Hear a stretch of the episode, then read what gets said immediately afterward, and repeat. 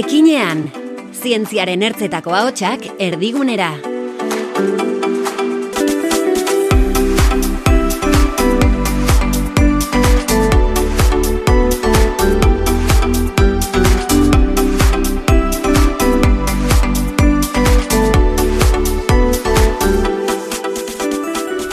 Kaixo, eta ongi etorri EHU Ekinean podcastera. Elujarreko Ana Galarra gaiestara nauzue, eta dakizuenez, podcast honen helburua estereotipoetatik kanpo geratzen diren ikertzaileak ezagutzea da. Gaur, Euskararen misterioak zorroztasun zientifikoz arakatzen diarduen ikertzaile bat dugu gurekin. Dorota Krajewska. Poloniarra da, eta Euskara nola ezagutu zuen, hizkuntza honi buruz zer deskubritu duen, eta zer galdera geratzen zaizkion erantzuteko galdetuko diogu. Ongi etorri, Dorota Krajewska. Zure jaioterrian Polonian ikasi zenuen linguistika, baina masterra egitera Euskal Herrira etorri zinen. Zergatik? Zer erakarri zintuen? Ba, labor esan da Euskarak eh, erakarri ninduen, aurretik e, ikasten hasia nuelako Euskara, e, nire, nire graduan aukera nuen, e, autazko ikasgaiak ba, ia dozin gauza hartzeko, eta ba nuen e, jakin mina ba, beste hizkuntza bat ikasten hasteko, gogoa beste hizkuntza bat ikasten hasteko, Eta ez nuen nahi izatea, ba, izkuntza konbatxon artean espergarri bat, e, alegia izkun, beste hizkuntza indo-europar bat, dagoeneko ingelesa, frantsesa, estelania apur bat banekedako, eta nahi nuen beste zerbait. Eta irakasle batek gomendatu zidan, zaitik ez zara saiatzen euskara edekin. Eta eta hor hor hasi zen e, nire abentura euskararekin.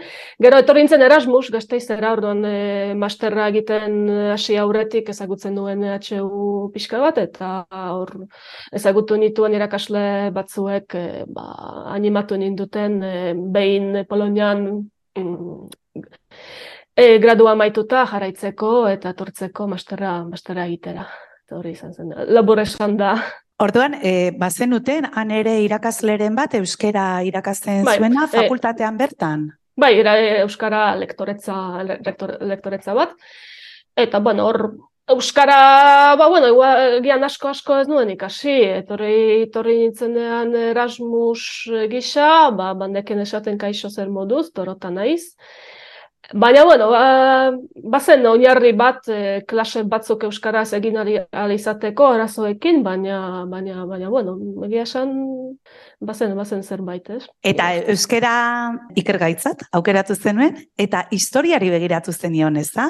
Bai, e, orain arte, orain e, beste gai batzuetan ere sartu naiz, baina egia da orain arte, E, nire ikerketa langeenak izan dira lotuak hizkuntzaren e, iraganarekin nahi zuzen ere ba, bueno, egia da hizkuntzaren historia e, tzitzaidan bere ala interesgara iruditu nire ikasketak egin dituenean. E, egia esan nire lehenengo idea izan zen psikolinguistika egitea, eta gero bestelako zazpi ideia nituen. E, bueno, egia esatera e, gaur arte ere hizkuntza gaitzaren barruan eruditzen zait dena interesgarri. Dana ezin da egin, ba, karatu behar da zerbait. Baina, bueno, e, e, go, nahiko goiz ikusi nuen, e, izkuntzari begiratuta oso interesgarri ditzen zitzaidala, hain zuzen ere, nola gaur egungo hizkuntza edo momentu bateko hizkuntza den, ba, iraganeko aldaketen ondorio bat.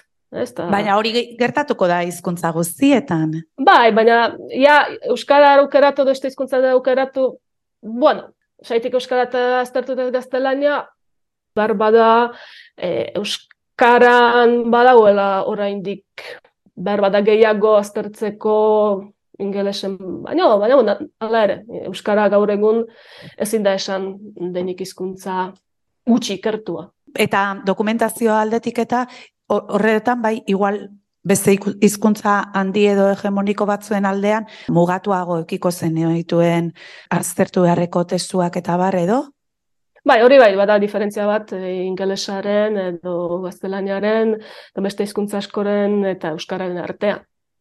Mm, askotan esaten dugu Euskararen korpusa Euskararen testu zaharrak, badirela gutxi, berandu esten direla, ez direla, ez dutela beti hartzen e, Euskal Herri osoa, dialektu guztiak, eta bar, horrekin kesatzen gara, eta egia da, e, beste hizkuntza askorekin konparatuta, hala da. Baina, honek badu beste buelta bat, egiazki munduko hizkuntza gehienek, baina gehiago daukagu. Hori horrela ere begiratu behar da. Ez? Mm Hizkuntza asko eta asko, hizkuntza gehienek, edo ez daukate dokumentu historikorik, edo oso oso berankorrak, eta are gutxiago. Orduan, bueno, pixkat e, erlatibizatu behar da hori, beti nahiko genuke gehiago, beti falta zaizki gauzak, ba, badaude utxuneak, eta beti posten gara, ba, testu berriak edo deskubritzen direnean, eta bar. Baina, bueno, bat dugu zerekin lan egin, eta Adibidez, irulegiko eskua zer izan da zuen arloan? Ba, izan da, eskurmento interesgarri bat, baina egiazki ez dakigu eurolegiko esku horren ganean idatzita dagoen hori euskal filologoentzat e, zer egina den, edo beste norbaitentzat. Hori argitu bitartean, eta ez dakigu inoiz egiazki argitu halko den, ba nik ez daukat hori buruz ez esateko, nik ez dudalako testu hori gulertzen. Nik eta hori deskubritu dutenek ere, egiazki ez dute ulertzen.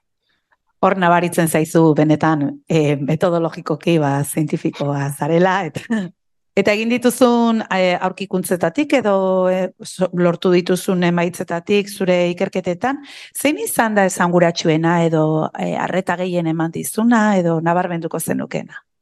Hmm. Ba, galdera hori bibietara erantzun dezaket, ez? Eta lehenengoa da, holan galdera botata, Ba, iruditzen zait, edo nire burura etortzen zait da lehenengo erantzuna da, ai, ba, ba, eskenik ez dut horrelako deskubrimendurik egin, edo ez dut horrelako gauza oso harri garririk edo handirik eh, deskubritu, ez da? Baina, gero, pentsatzen duzu, zientzian hori horrela ere izaten da, ez da? Horrelako deskubrimenduak, erulegiko eskuak eta ez dira, ez dira egunero gertatzen, eta normalen egiten duguna, eh, jendeak eh, zientziadarien duen ideiaren kontra, ez gara jartzen Newton jarri omen zen bezala zuaitz azpian zainia sagarren bat erotzen zaigun eta bez dakitzen deskubrimendu egiten dugu. Egiten dugu gauza txiki batzuk. Hemen egin dut artikulutxo bat, ez dakitzen gauza txiki bat iburuz eta horrelatu dut zientzia bi milimetro. Ba, ezin da esan denik ez erolan eh, arrigarria handia edo bereziki salgarria, baina bueno, horrela, ez, aurrera egiten dugu gai baten, ez, zerean.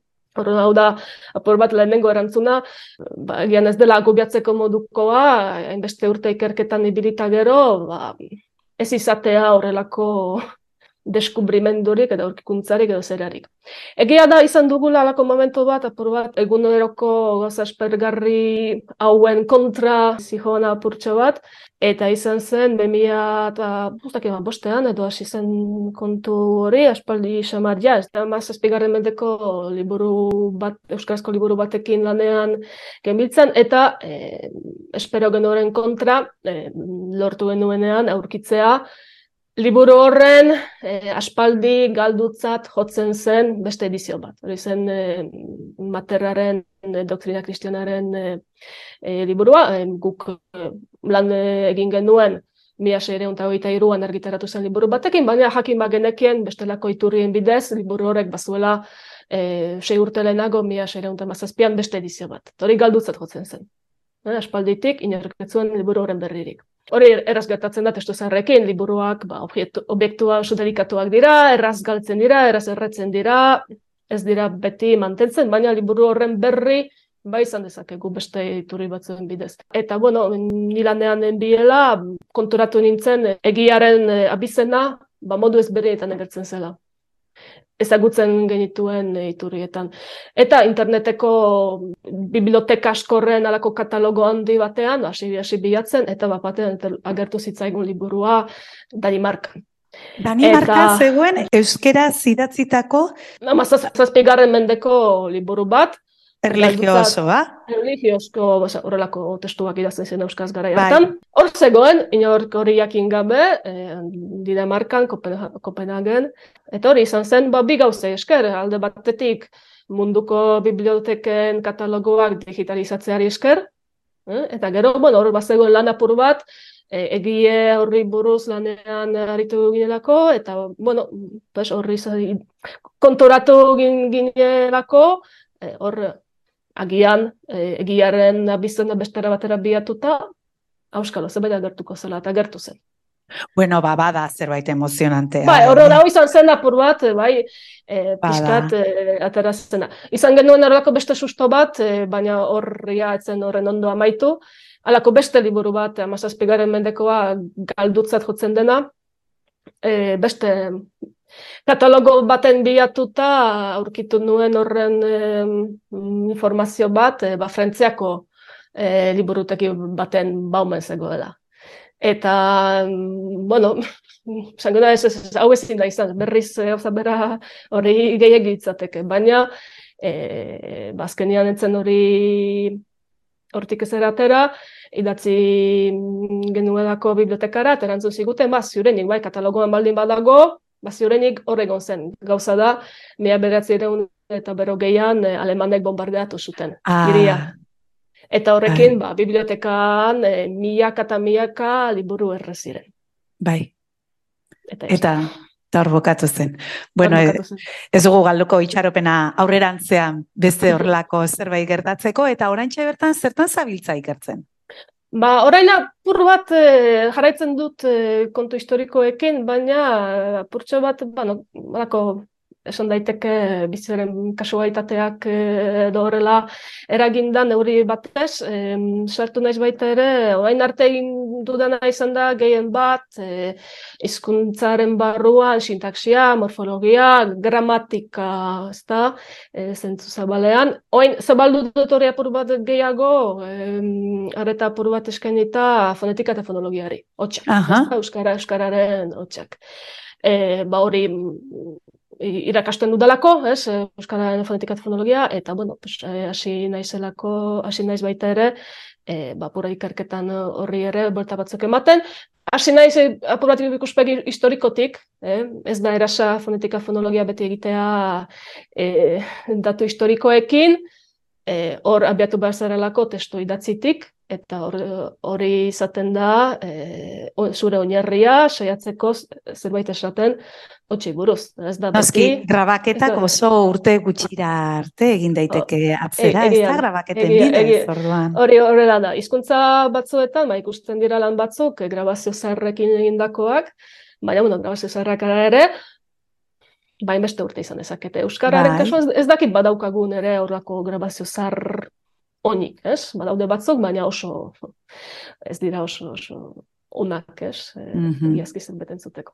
Orduan, bueno, e, hasi naiz apur bat ikuspegi historiko horretatik, e, baina, bueno, e, orain e, bai gaur egungo iztunekin eta gaur egungo e, datuekin ere, lan, lan egin nahi dut.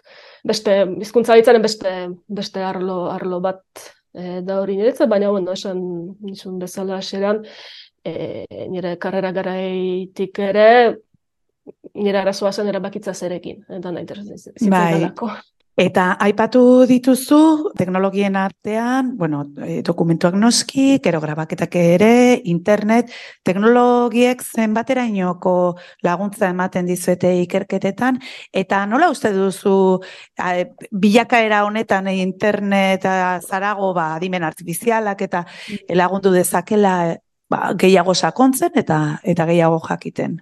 Nik pentsatu nahi dut, hizkuntzalariak oraindik beharko ditugula tarte batera, ez? Adiben artifiziala ona da, ez dakit, gauza errazak egiteko, na baita esan, ez? Uste dut hizkuntzak, bizia hizkuntzak oroar bat dituztela zen eta alderdi hain finak, nun agian e, bakarrik kontua da e, adimen artifizialeko makina hauei datu gehiago ematea eh? baina agian, agian ez da hori, ez da? Ariketa aspergarrienak egiten badituzte, bon, gaitzerdi. Hmm, horrela izan, izan daiteke. Ba, ondo iruditzen bazaizu, emetxe utziko deu, pila bat eskertzen dizut onbidapena onartu izana, benetan. Eta eskerrik asko zuri ere, entzule hori, Dorota Krajewska eta bion arteko solasaldia jarraitzagatik. Datorren hilean, ekinean dabilen beste ikertzaile bat ezagutuko dugu EHU ekinean podcastean. bitartean ondo bizi. Ekinean, Euskal Herriko Unibertsitatearen ikerkuntza gizartean zabaltzeko zuzendaritzak, zientzia eta gizarte garapenaren eta transferentziaren arloko errektore ordetza eta eluiarrek ekoitzitako podcasta.